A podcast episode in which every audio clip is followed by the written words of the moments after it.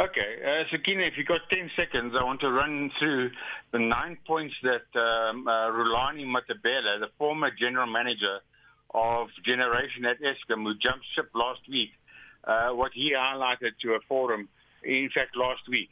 And, and this will contradict all the hot air that the president has been making, that Mr. De Ruyter has been making, that um, Minister Gordhan has been making.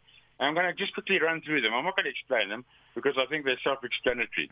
Uh, he's talking about skill challenges. Uh, as far as I know, um, Afri uh, Solidarity, Solidarity offered 300 names. To date, less than a dozen of those have been employed. Um, Rulani mentions the poor quality management processes, now currently still operating at Eskom. He talks about bad operating practices currently at Eskom. Last week, this was the case at Eskom a lack of proper outage post-mortems. In other words, they don't analyze and check the work that they've done. Uh, poor quality execution of maintenance. This was as at last week. Poor planning of maintenance programs, as at last week. Inflated costs on services and materials because of all the middlemen that have been involved. And a lot of them are, are political uh, players. Uh, and then the second last point is funding constraints, which is still a major issue which the president said he was going to address. And then the, the last issue is generation capacity constraints, which the president said new capacity uh, was going to be added to the grid as a matter of urgency. So as at last week, the status quo is that it was all hot air and actually and on, the ground, nothing has actually happened at Eskom. And that's when Rulani decided to jump ship. Rulani had 18 years experience at Eskom. Philip Tukash before him had also about a 20 years tenure at Eskom. These people are leaving like flies. Why? Because there's a third force driving things and stopping and closing down the cold feet at Eskom. But this third force, so, so you know, we can't just uh, say things like that without backing it up, uh, Ted. What exactly are we talking about? What evidence exists that there is, in, for, in, in fact, some third force at play here? All right.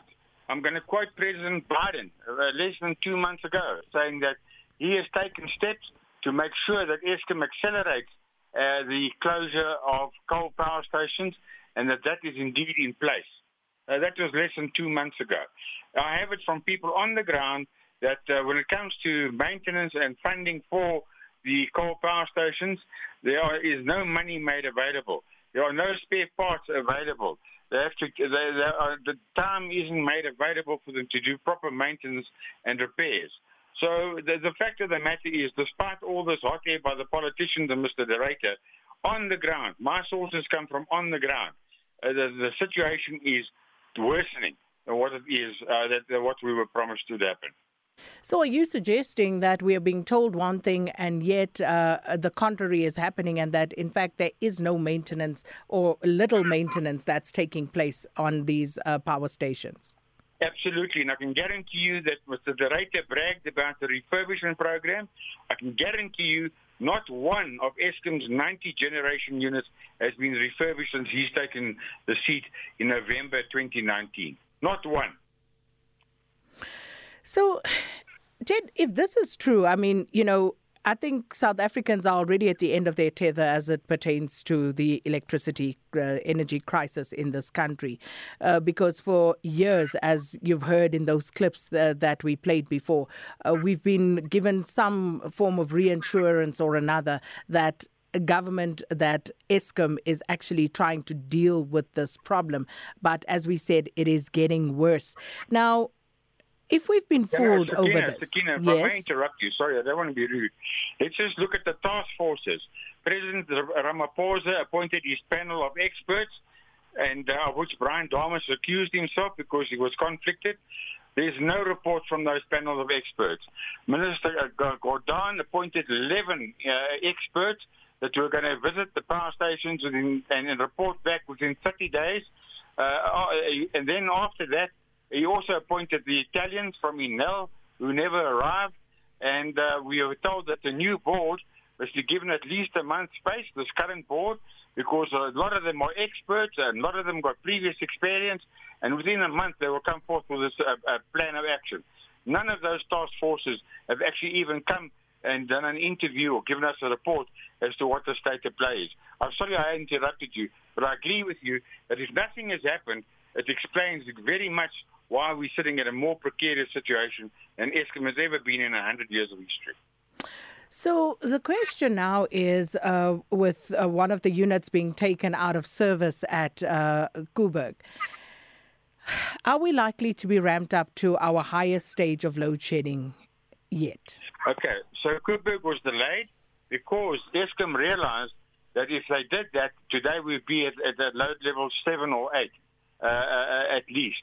Uh, given that last night, uh, Eskom dumped more than 6,400 uh, megawatts of power, which is already technically is level 7 load shedding.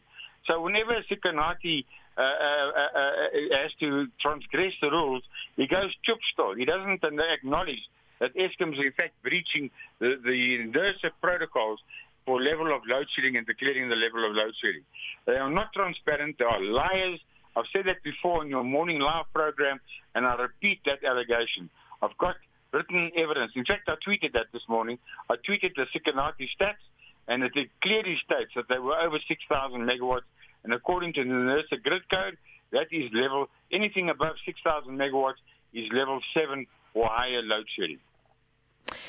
So, Ted, I'm going to ask you to please just hold the line because there's so much going on at the moment. And, you know, I guess South Africans worrying uh, with uh, the, the festive season upon us, whether we'll be spending Christmas and New Year in the dark. Uh, but, Ted, don't go away. If you just uh, will please uh, sit tight, hold the line there for me because when I come Just back, for you. I just want, thank you, Ted. I just want to also just uh, take a quick look at what's happening elsewhere in the world, uh, Britain to be exact, uh, because uh, the Secretary of State there, Michael Gove, has approved the first new UK coal mine in 30 years, despite concerns being raised uh, by some about the climate impact and uh, conservative MPs, especially uh, bringing this uh, up.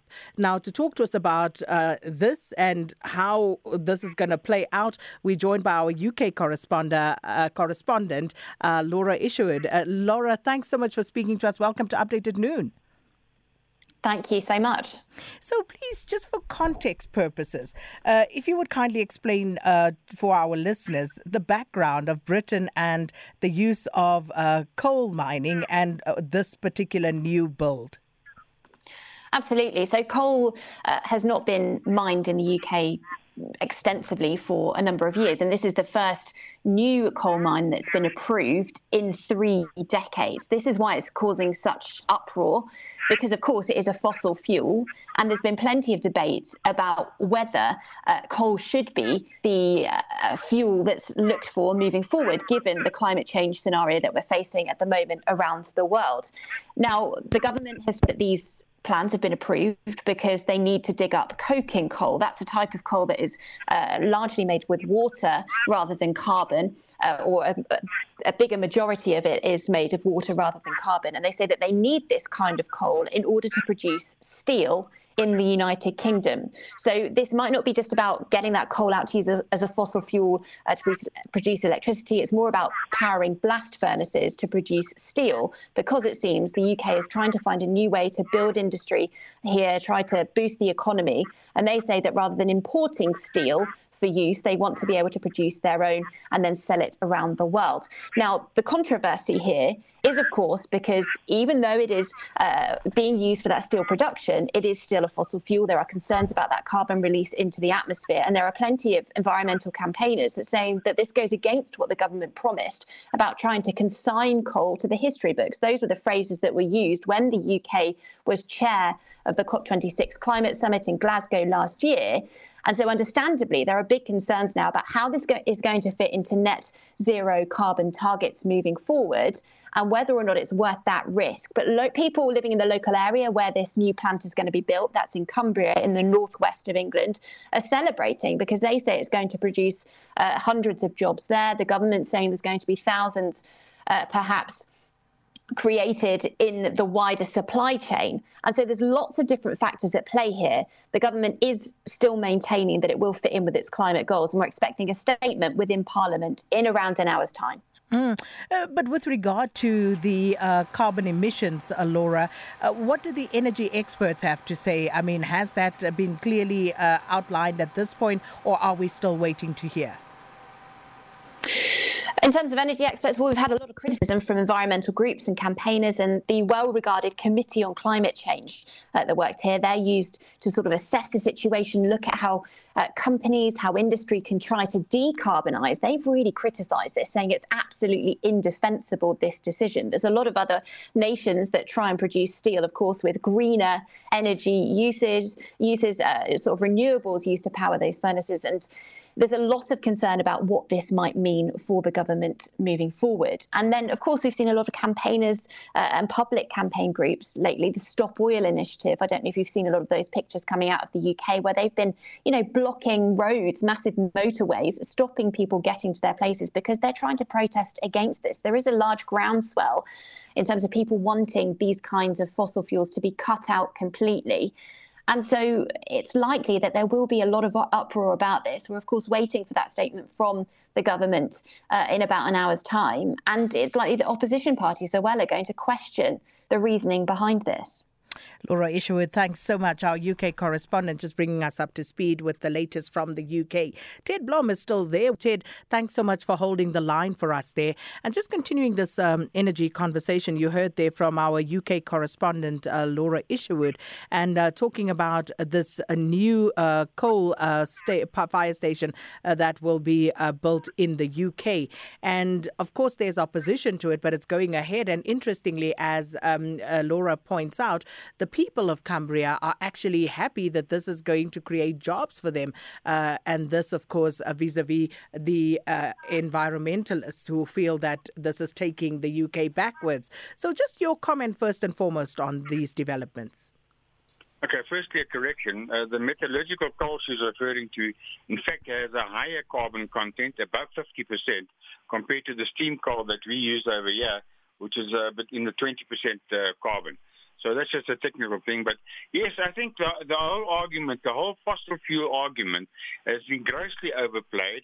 It's dancing to certain uh, interests of uh, the globalists and the renewable crowd.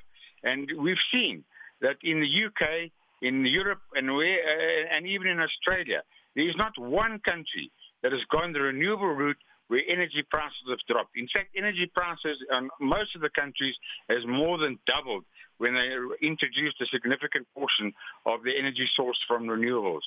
So I'm not. I mean, that's the facts, uh, not the not the uh, hype that goes around the world with the checkbooks that goes with it, uh, which sponsors all these renewable so-called experts and protagonists. Uh, the real fact is, I mean, I think people need to go and have a look and do their own research uh, because they're now being bombarded with so-called facts from both sides. Go and do a bit of research and find out for yourself and the fact of the matter is that this whole issue of uh, carbon being the, the culprit is a whole lot of nonsense and a whole lot of hot air. And I'm quite happy to sit down in a proper debate with any party. And I'm not even a scientist, but I'm properly happy to sit down with any scientist or any crowd and go through the merits of the so-called climate change argument. I'm not denying climate change. It's happened 100,000 times in the life of the earth, and it's going to happen many times more. I'm disputing whether carbon is the culprit. As far as I know, my farmers pump carbon into the greenhouses to make the things grow far better and far more lush than without the carbon. So we've heard quite a lot over the last few uh, weeks and months about what uh, countries in the developed world are doing with regard to coal. Uh, some of them uh, ramping up uh, some of their efforts and telling us something different here. And as you say, Absolutely. it's not about uh, being a denialist of climate change. it's not about that. But I suppose it's more about how all of this is posited and how the wool is being pulled over our eyes, as you say, sometimes from both sides.